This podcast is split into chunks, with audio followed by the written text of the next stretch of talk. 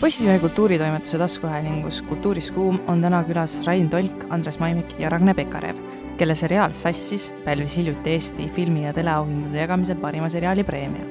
nüüd on väljas Sassis teine hooaeg ja sellest ka täna räägime. Tolgi, Maimiku ja Pekareviga vestleb kultuuritoimetaja Tuuli Põhjakas. jutuks tuleb see, kust Sassis tegijad inspiratsiooni ammutavad, milliseid piinlikke seike on nad viimasel ajal kogenud ning kuidas teha head huumorit. head kuulamist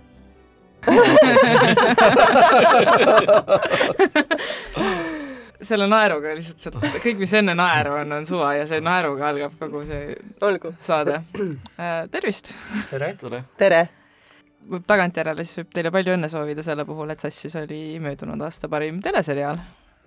kas see tuli teile üllatusena mm.? Minu, mulle tuli küll pisut üllatus. tegelikult äh, ma meenutan, et äh, Ain Mäeots ütles eelmine aasta, et äh, Andres Maimik oli talle öelnud, Ain Mäeots võitis eelmine aasta ENSV e lavastamisega parima seriaali tihti, et Andres Maimik oli talle öelnud, et järgmine aasta võidame meie no vot, see oli niisugune suurustamine. Ain Mäeots on nii pikka kasvu mees, et ma mõtlesin, et ma pean oma egot nagu kehtestama sellega, et lähen tema juurde, ütlen, et sa võid siin praegu rõõmustada, järgmine aasta oleme meie sinust no, kõrgemal positsioonil. aga Ain oli meie selja taga igal juhul. ei, ma tahtsin öelda, et ja lõppkokkuvõttes oli Ain see, kes oli ka ju nomineeritud parima meesosatäitjale seriaalis, nii et sinu seriaalis, nii et kokkuvõttes tema oli kõige suurem võidumees. ta võidab iga aasta ja kõik.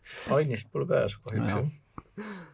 aga te ei olnud siis, te pigem te lootsite, et see võit tuleb, aga te ei osanud seda võib-olla eeldada siis ähm.? Mina mõtlesin, et me võime võita ühes teises äh, kategoorias ja valmistasin oma mõtteid sellele ette, et, et kui on vaja lava peal kõnelda, siis ma nagu räägin, seal oli niisugune kategooria nagu sisulooja või sisutootja.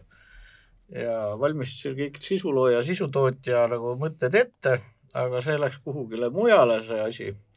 ja siis siis jäi kuidagi ripakile see ettevalmistatud nagu mõttekäik siis kui me lavale kupatati, siis mul ei olnud nagu midagi muud öelda, siis ma võtsin selle nagu, selle mõttekäigu ja hakkasin seda automaatselt seal ette kandma, et kuidas me oleme si-, kuidas see sisutootja ikkagi ei ole väga sobilik nimetus ja et peaks ikka meie režissöör ja stsenarist.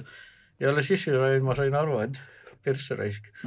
ma räägin mingisugust täielikku iba, et see ei ole see kategooria üldse aga Rain kuidagi väga reetlikult viskas mikrofoni minu kätte, noh, et räägi nüüd sina, sina oskad rääkida. ja ma teen alati seda, sest tegelikult Andresele meeldib väga rääkida.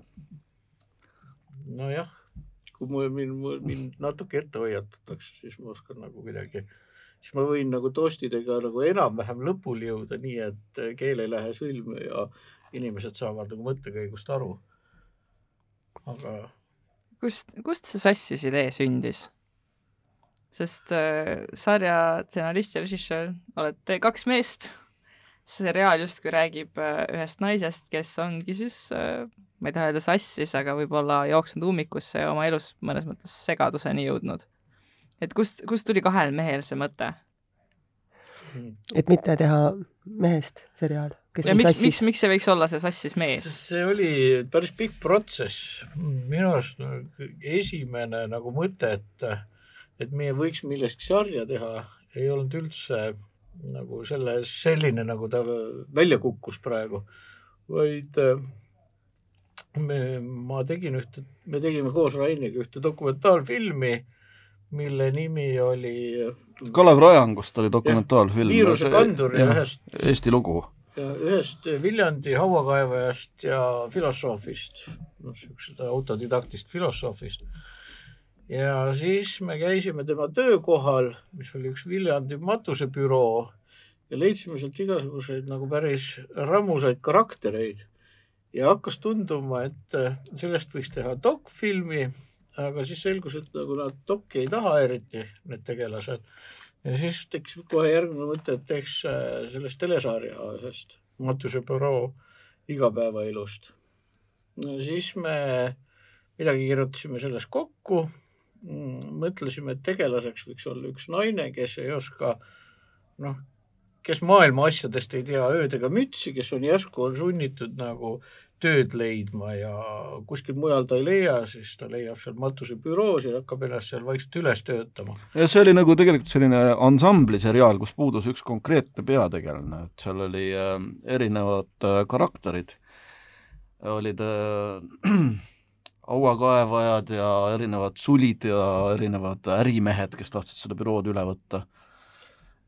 see naistegelane oli noh ta oli natukene kõrgemal teistest, et ta, ta ei olnud nagu selline, et läbi kelle me seda kõike vaatame. nojah, et natuke kesksem kuju kui ja. teised, aga seal oli nagu hästi palju jah, liine erinevatest noh, tüüpidest, kes seal matusebüroos töötavad, alates seal mingisugustest sellest äh, matusevanast lõpetades mingisuguse laipade see matusebüroo oli nagu selline Eesti ärikultuuri mikrokosmos siis? no ja siis me üritasime seda ideed sokutada sinna ja tänna rahastajate nina alla.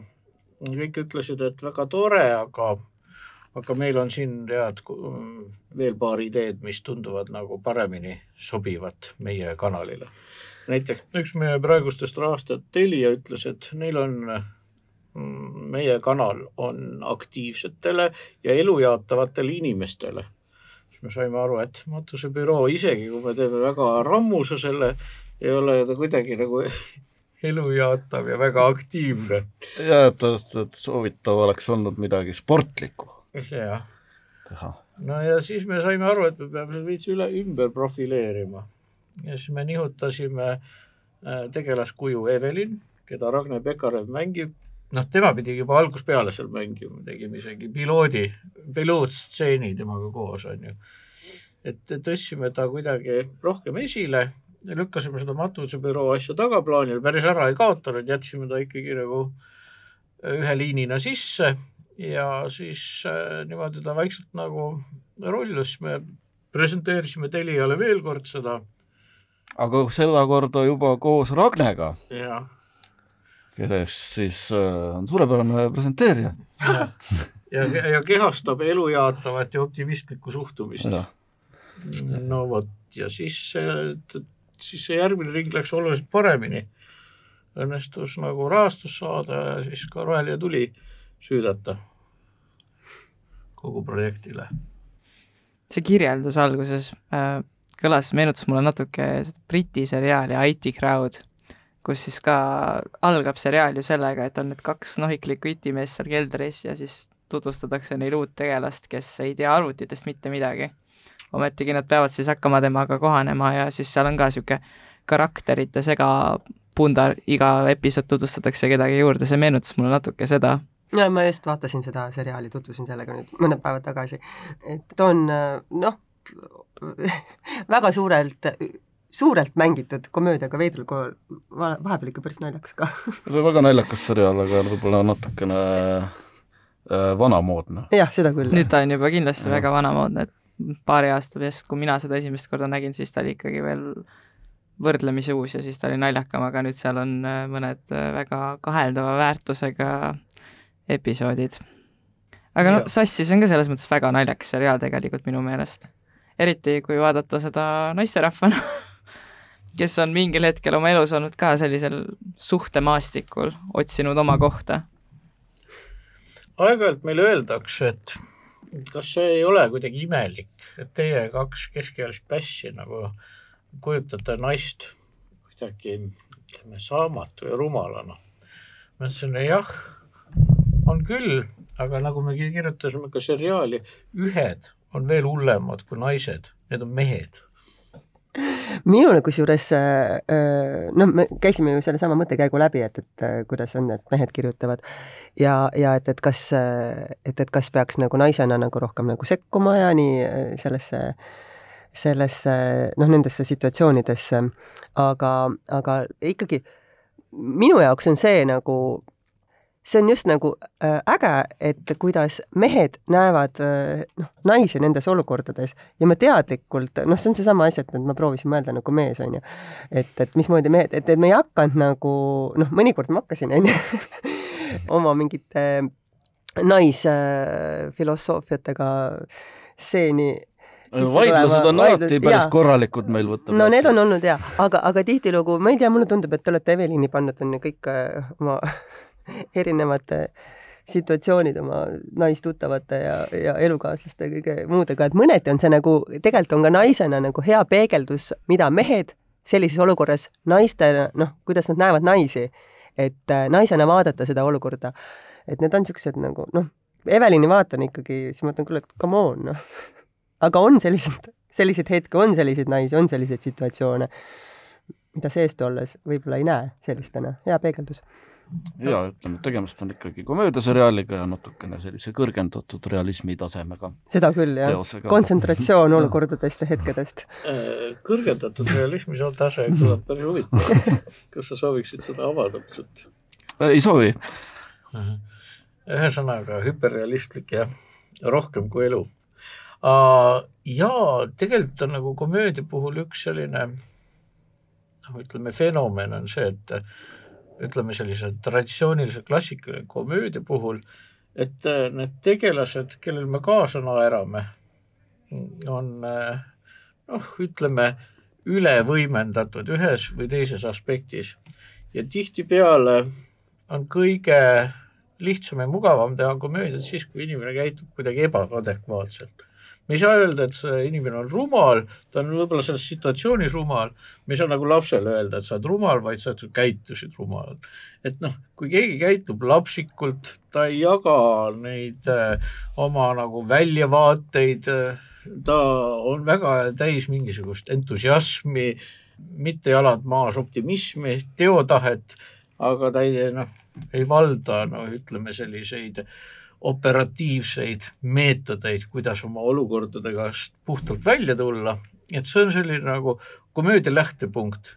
et iseenesest me ei tahta oma tegelast kuidagi kujutada mingisuguses valguses, on ju, et vot, et me nüüd, ma ei tea, naerame ta välja või osatame või näitame koha kätte, kuivõrd see oli see meile essentsiaalne, et, et tegelane käivitus nagu koomilises võtmes, siis ta peab olema pisut jalad maast lahti. ja kuna neid teemasid oli päris palju, nii lastekasvatus, karjäärivalikud, suhteprobleemid, seks, kõik see krempel, mis elus ette tuleb, siis ta ebaadekvaatsus pidi päris nagu laia diapasooniga olema, et, et ta peaks nagu kõikides olukordades natuke nagu noh, mööda panema no ja siis sellest võib-olla tekib tunne, et vähemalt mul on üks üsna nutikas daam heitis ette või tähendab kuidagi rääkis, et aga naised niimoodi ei käitu, et ma ei tun-, ma tunnen väga vähestes situatsioonides iseennast ära. noh, seda ka, sa ei peagi ära tundma, et need mehhanismid, mille peale meie vajutame, on hoopis teistsugused kui selline nagu ütleme nagu ülirealistlik psühholoogiline draama. no see küsimuse püstitus iseenesest on kuidagi tüütu minu jaoks, et miks just me mehed ei või kirjutada naisest või miks mehed kirjutavad naisest. siinkohal võib-olla see sugu ei ole ikkagi kõige tähtsam, et oluline on mõelda see karakter välja ja, ja panna ta teatud situatsioonidesse ja vaadata, kuidas ta seal hakkama saab. et me ei taha kindlasti selle seriaaliga mingisuguseid nagu öelda midagi sugude kohta. ja ka komöödia puhul üks eripära on ka see, et eriti komöödia, komöödiaseriaalis on see, et tegelased ei õpi oma eksisammudest, vaid nad lähevad täpselt samasuguse optimismiga. okei okay,, nad õpivad võib-olla ühe osa raames, et nad on nagu õnnetud ja siis nad saavad aru, et nad on nagu kõik valesti teinud aga siis nad turgutavad ennast ülesse ja lähevad äh, sama rõõmsal sammul täpselt samade ämbrite poole, kus nad ennem on ennast kuidagi välja sikutanud. samas see on väga huvitav minu meelest, et selles sarjas ikkagi on väga palju neid momente näiteks, mille puhul mina küll samastusin ja mõtlesin, et noh, ma oleks võib-olla samasse ämbrisse astunud, et noh kindlasti see, et üks inimene ei näe seal ennast nagu, ei tunne seal ennast ära ja ütleb, et mina küll sellist eksimust ei tee, ei tähenda seda, et seal ei oleks palju inimesi, kes võiks selle eksimuse siis teha. jaa, kusjuures meil on hästi, päris palju asju on sealt elust võetud. ja päris palju eksimusi on juhtunud reaalselt inimestega. ja ka naistega. ja ka meestega. ja ka meestega. mõned meeste eksimused võivad äh, kirjutada, võime kirjutada naistele, mõned naiste eksimused meestele, et äh, me saame nagu võtta küll elust, aga vahetada ja mängelda, kuidas iganes soovime. näiteks äh, eelmise aasta kolmandas episoodis oli niisugune stseen, kus Evelin läks ja ütles äh, lugupeetud inimesele kõikide kuuldes, noh, abordijäänus ja see oli paraku minu elust, sest ühel, ühel seltskondlikul üritusel ma olin vestelnud kellegiga ja oli jutuks tulnud, et ta oli ise veel maininud, ta on kuidagi niisugune nagu noh, vanemad ei tahtnud teda ja nagu tunneb ennast vahel nagu abordijäänus. ja ma mõtlesin, hõikasin kõva ja selge häälega, hei, abordijäänus! ja kogu seltskond vakatas ja kõik vaatasid minu poole ja siis selle daami girlfriend, boyfriend, kes ütles mulle, et nüüd on koht vabandamiseks põhimõtteliselt see terve see stseen on nagu otse üks-ühele elust maha kirjutatud.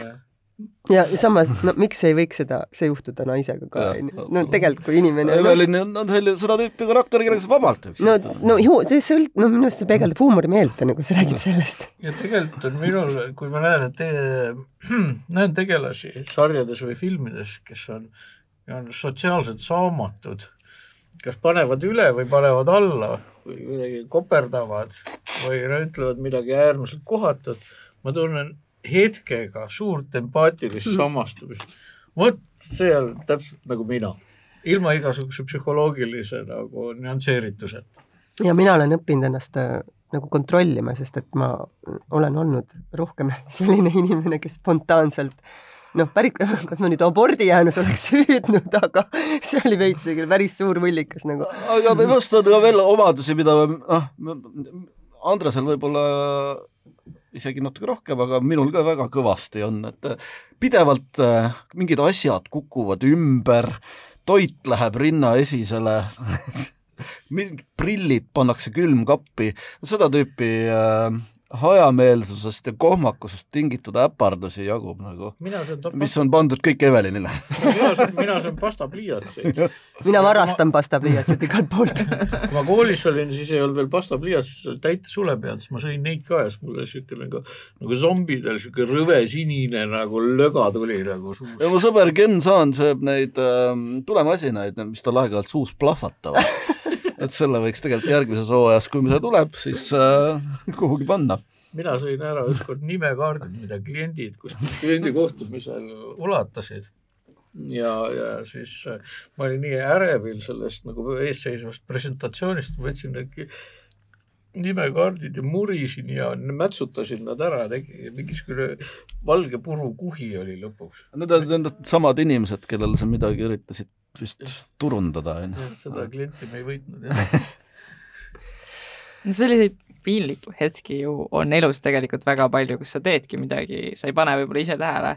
minu näiteks halv, halvim komme on see, et kui mind jäetakse liiga pikaks ajaks oma mõtetega üksi, siis ma hakkan erinevaid asju nagu ringi joonistama ja siis ma mäletan, kunagi ma vaatasin, võib-olla ma vaatasin ka Sassis samal ajal, aga mu kõrval oli mingi koera mänguasi, mis oli niisugune põrsas, kellel oli niisugune rõngas saba ja siis ma tõmbasin ringiga nagu sõrmega niimoodi seda sab-, sabarõngast niimoodi korduvalt, kuni keegi lõpuks märkas.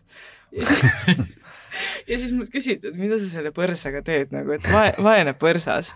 et noh, võib-olla, aga võib-olla just need kõige absurdsemad ja noh, sellised hetked, mida sa ei taha nagu, et inimesed teaksid, noh nüüd kõik teavad aga et need hetked, mida sa ei taha, et kõik teaksid, et võib-olla need ongi need, mida nagu teised ka võib-olla salaja teevad ja siis need ongi need hetked, mis on tegelikult lõpuks kõige samastatavamad. mida ma saaks nagu rage tunnustuseks öelda? noh, tunnustussõnu jätkub muidugi palju aga noh, teeme siis väikse sellise sample'i, et ähm, et Ragne oskab üsna täpselt need reaktsioonid välja mängida, et kui on satutud nõmedasse olukorda. Ühesõnaga, et inimene, kes on nõmedas olukorras, võiks nagu jääda vait, eemalduda, püüda võimalikult kiiresti sealt äh, olukorrast lahkuda, aga kõik need näoilmed ja enda äraseletamine ja siis veel üleseletamine ja siis nagu need mingisugused imelikud naerukõksatused, mis järg, järgnevad piinlikule olukorrale, mis teevad asja veel hullemini. ma arvan, et see on kõik puhas briljant, onju et, et ta oskab tähendab, me räägime siis äh, äh, karakterist, eks ole. ja. Evelinist, keda kehastab Ragne suurepäraselt nende omaduste väljamõtlemise kaudu. ma ütlen, et Ragne oskab nagu näitlejana nagu need nüansid nagu ilusti paika nihutada, et seda nagu ütleme, magus ja valus vaadata aitäh, aga noh, selles mõttes, et, et ma ei võta au ainult üksi endale, sellepärast et mina olen äh, meeskonnamängija, mul on vaja äh, Äh, adekvaatselt äh, hindavaid ja, ja, ja nagu suunavaid vaatajaid ja nagu režissööre, kes ütlevad, noh, selgitavad ära, mis olukord on, mida me tahame, kuhu me jõuame, siis, siis on äh, muidugi. ja üks komöödia reegel, mida me oleme jõudumööda üritanud järgida, on see, et et noh, nali tööle hakkaks, on see, et üks peab olema see hull, paneb hullu, on ju, kes on ebaadekvaatne. ja seal, selles olukorras peaks olema keegi, kes on nagu normaalne, kes kehastaks siis nagu vaataja pilku või sellist nagu normaalset positsiooni.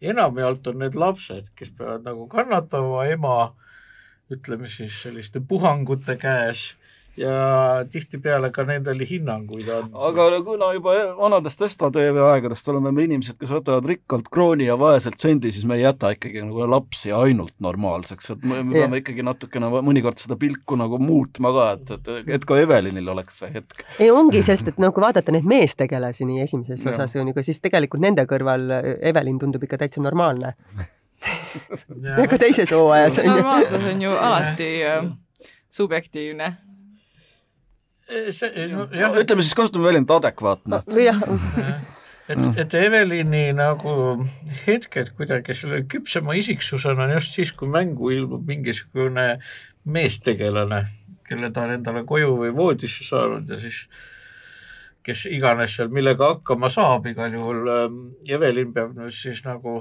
tol hetkel kontempleerida, et kuidas need, kuidas üks inimene kohe päris selline on, et kohe nagu täitsa selline no näiteks Ain Mäeotsa tegelaskuju näiteks hakkas pärast, pärast äh, koitust nagu lahinal nutma.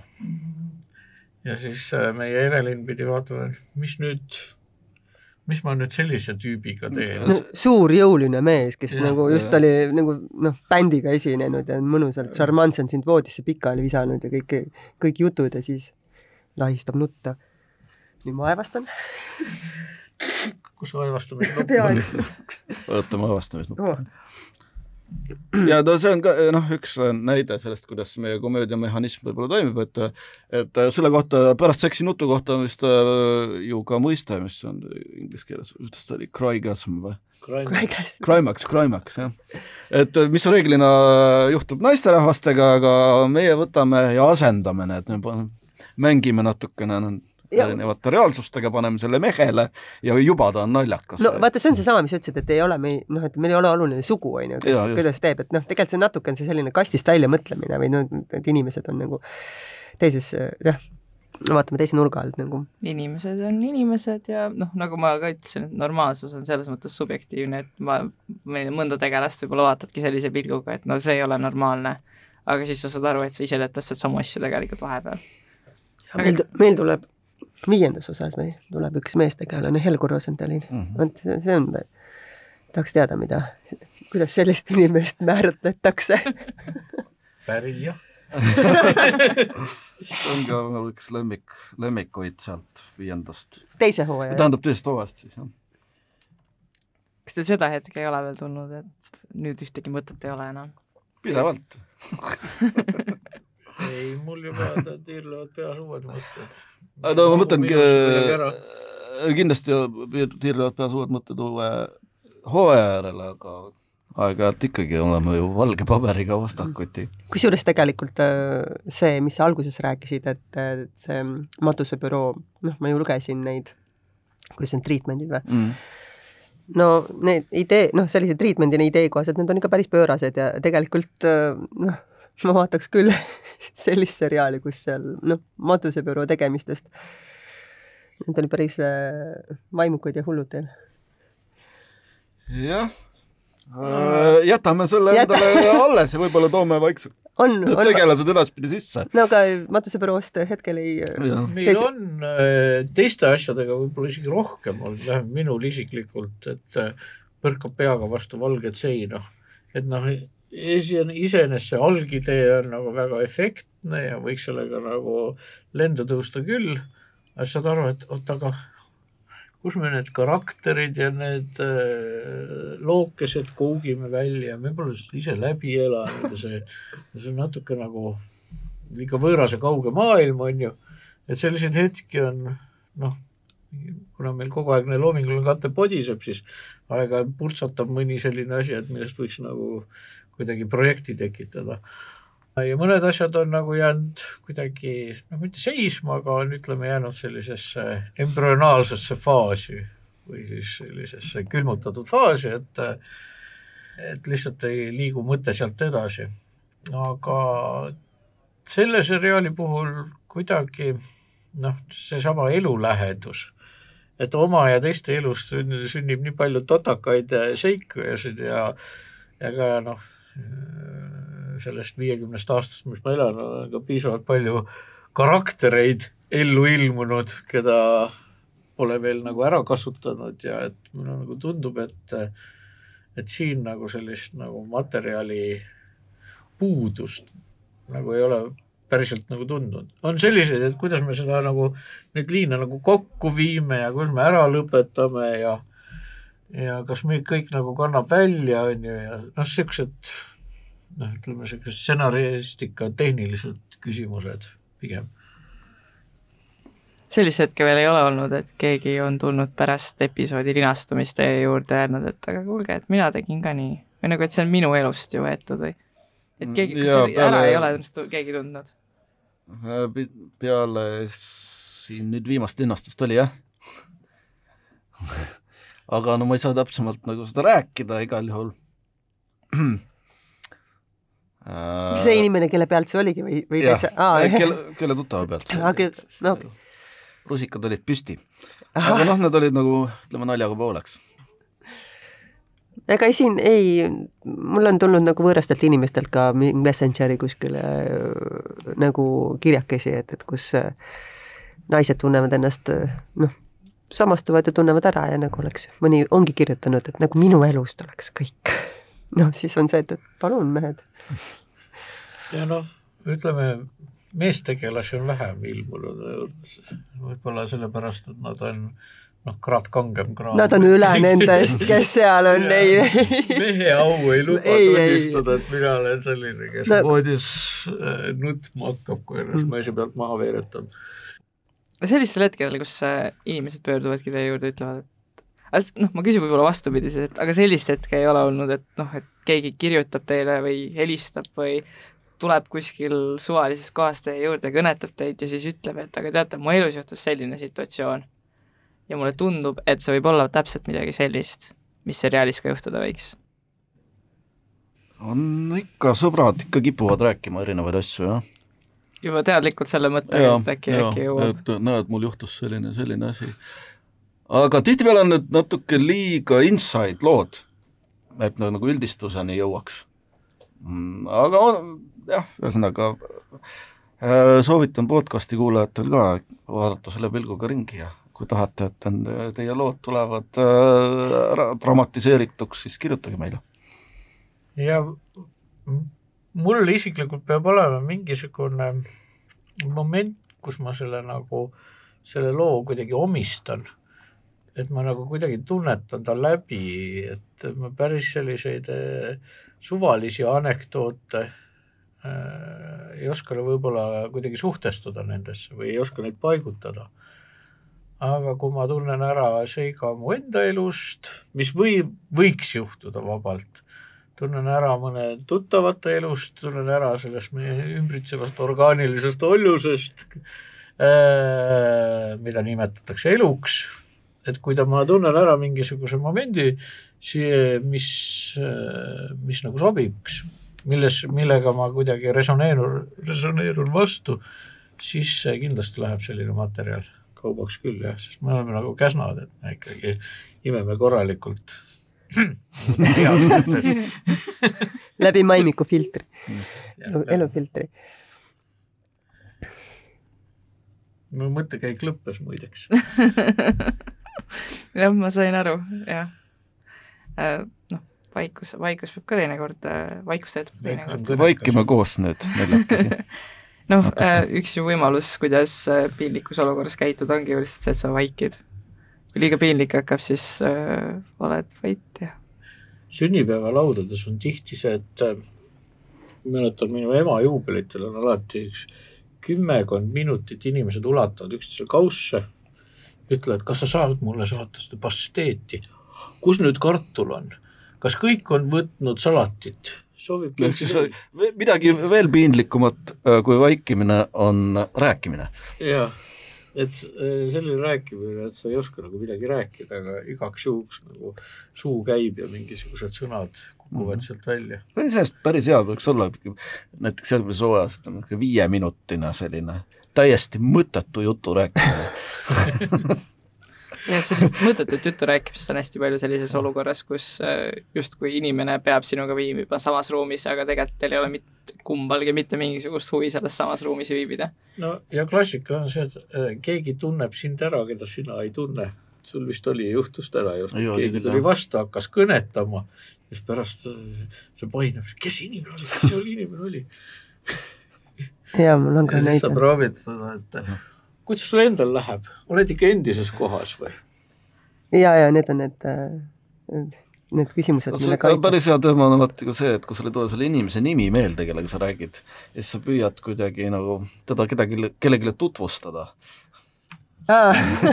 sa paned ennast ju halba olukorda siis no issand, kui ma olin seal VHK-s, õpetasin dokumentalismi sellele filmiklassis, siis ma küll eh, vaatasin kõik Facebooki lehed ja proovisin need nimed meelde jätta, aga need olid mingi viisteist tükki ja, ja no way nad mulle meelde jäävad ja siis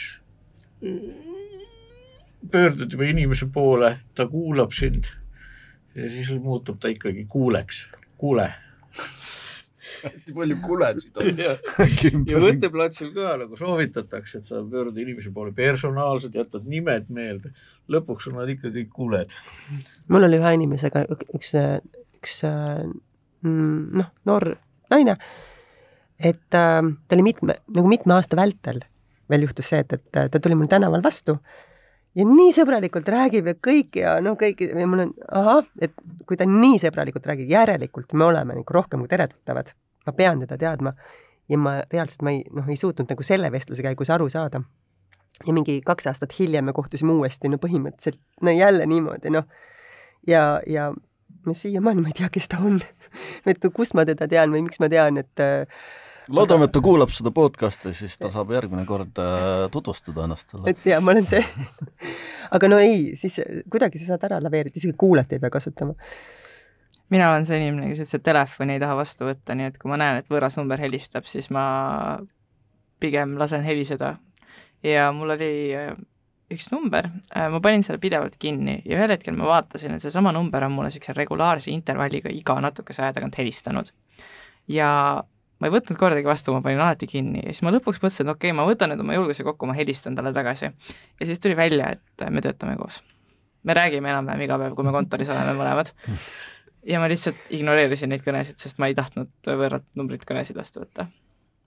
Aga teinekord noh, piinlikes olukordades on see, et mina olen, mina reageerin sageli niimoodi, et kui on, kui ma ütlen ise midagi piinlikut või keegi teine vastu ütleb mulle midagi piinlikku, siis ma lihtsalt keeran otsaringile minema. seepärast, et ma ei taha sellega tegeleda, ma las, las pigem tema praeb oma selles piinlikkuses, mina lähen minema, minul ei ole vaja seda tunnet. no minul oli paar päeva tagasi oli niisugune, et oli mingi üritus, lärm käis seal ja kõne, mis sisse tuli, oli võõralt numbrilt ja oli ka niisugune katkendlik. ma ütlesin tervist. siis inimene rääkis, et ta, ta tahab intervjueerida näitlejat Taavi Teplenkovi ja kas ma oskaks midagi nõustada, sina režissöörid, sa tunned neid näitlejaid. ma ütlesin ei, ma ei, Taavi Teplenkovi küll nii hästi ei tunne ja ja aga kas me üldse tunneme teiega teineteist? muidugi tunneme, kas sa siis ei tunne ära? ma ütlesin, no hääl tuleb tuttav, et ma olen see ja siis sel hetkel katkestas.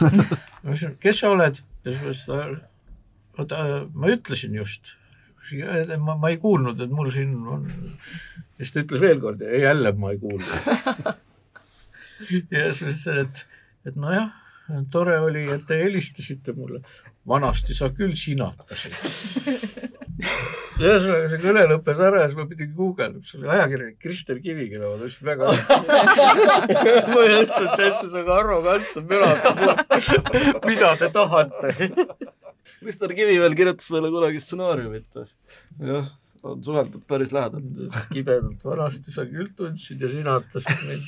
nüüd on auhind, auhind on käes ja nüüd enam ei, nüüd on teie kas sa klaarisid selle temaga ära või? no, ma kirjutasin oi, oi, oi ma ei tahtnud niimoodi, muidugi ma tean, kes sa Krister oled. midagi nagu liiga emotsionaalselt hakkasin pärast talle mingisuguseid vabandusi saatma. ma lihtsalt olen su numbri ära kustutanud mul on uus telefon, uus SIM-kaart, uus number, kõik on uus. seda me saame siis öelda vabanduseks juba ette ära. mul on ka kõik uus telefon sa tahtsid enne midagi öelda? ma ei mäleta see on muidugi alati hea. aa, nüüd see aa, piinlikkusega seoses, et, et, et jah, et äh, võib-olla selle sera-, seriaali tehes stsenaariumeid mõeldes, et olen proovinud hakata neid piinlikke hetki rohkem nautima.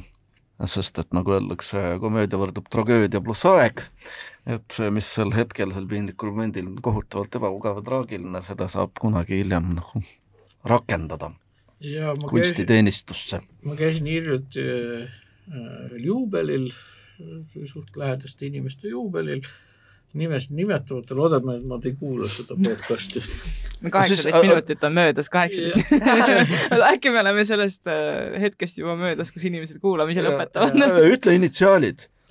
ei, ma ei ütle mingeid initsiaale, see oli selline äh, väga selline nagu šarmantne perekond iseenesest ja aga selline, kellele meeldib nagu noh, natuke näidata, et noh, et millised on nende noh, eluharjumused ja tarbimisharjumused.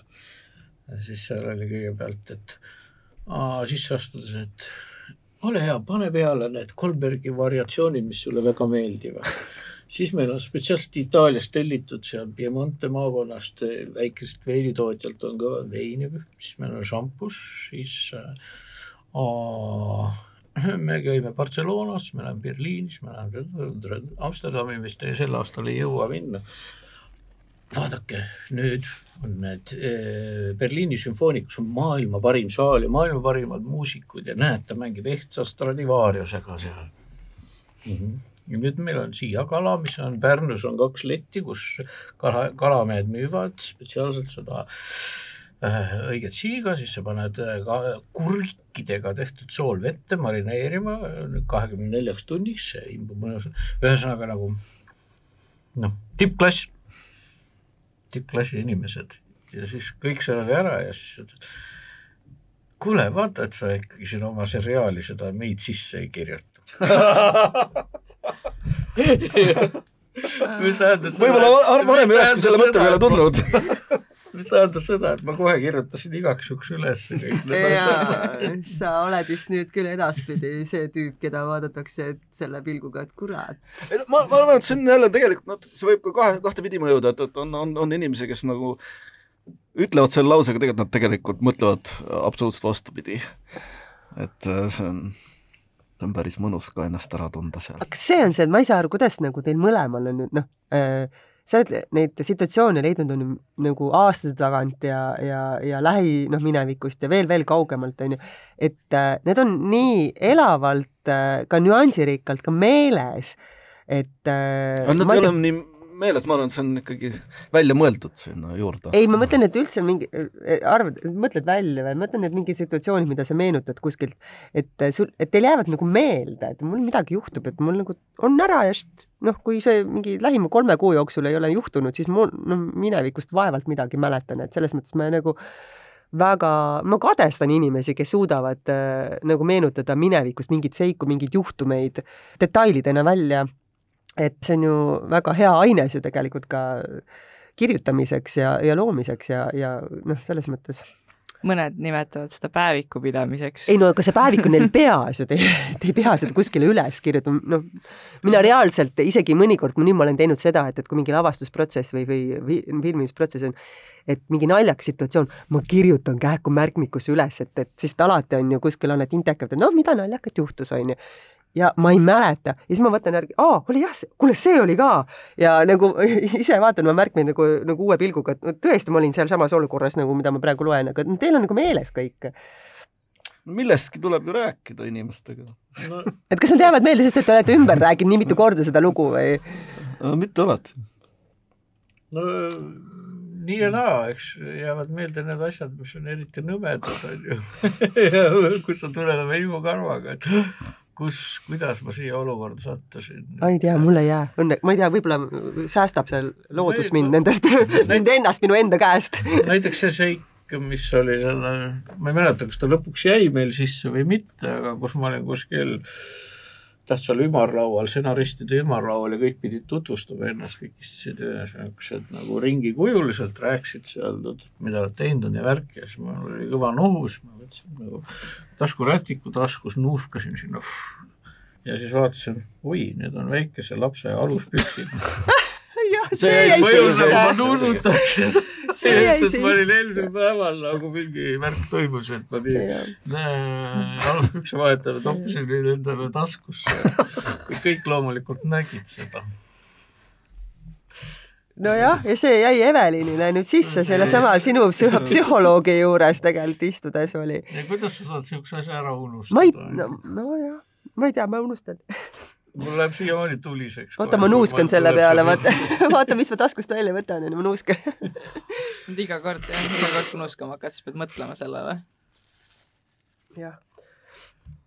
no see on äh, viis ka nagu oma eluga kuidagi rahulikumalt toime tulla, et need asjad meelde jätta ja nende üle hiljem nagu, nende üle kas hiljem naerda või neid kasutada siis vastavas kontekstis ja Raini poeg tuli, äh, Ruuben Tolk tuli minu juurde, ütles, et maksa mulle nüüd raha. mis ma sulle raha maksan? Äh, autoriõigus. autoriõigus. Need on minu elust võtsid ja varastasid need asjad. mis asjad? no kõik need asjad. vabandust väga kõik poisid on maailmas sarnased selles vanus, minu poeg on täpselt samasugune seal olid küll mõned repliigid küll paraku, paraku otse, otse minu lasta suust nagu pandud. me leppisime kümne euro peale kokku. leppisite või? mina näitasin. siiamaani veel maksnud mina näitasin oma pojale seda viiuli eh, hetke, et noh, see on minu poja pealt eh, see viiuli õppima minek. et, et eh, näitasin talle, siis ta nagu noh noh, ma ei saanudki aru, mida ta tundis uhkust või midagi, igal viiulit enam ei mängi ammu. no see käksutamine ilmselt siis noh, omas ka teatavat mõju. jaa, lapsed on need, kes saab ka kõvasti materjali, jah mm.. lapsed ka on sellised, kes käituvad niimoodi, et mida võiks nimetada rumalaks. lapsed on rumalad kusjuures tegelikult ma mõnikord olen ikkagi varastanud noh, teatriproovisaalis ka hetki lastelt ja pannud nagu täiskasvanud käituma selliselt, jumala hea materjal. no väikse filtriga muidugi, väikse niisuguse mugandusega, aga, aga nagu impulss on sealt. ja, alati on hea mõte on see, et täiskasvanuid panna lapselikult käituma, noh näiteks selles äh, viimases Sassi hooajas on kus vanemad kisklevad mingisuguste raamatute pärast, mida nad kumbki tegelikult ei loe, aga tema alustas, ei tema ei, alustas. tema alustas, las vaivad. ahah, selline elu siis. ma jah, ma vaatasin teise hooaja esimest episoodi nüüd äh, täna hommikul ja seal ma vaatasin ka just see, see koht, kus nad neid raamatuid puruks rebivad ja siis lapsed vaatavad neid sellise pilguga, et okei okay,, aga et meie peaksime seda praegu tegema me peaksime üksteise peale näpuga näitama ja raamatuid puruks läbima äh,. aitäh teile tulemast! aitäh kutsumast! oli väga meeldiv!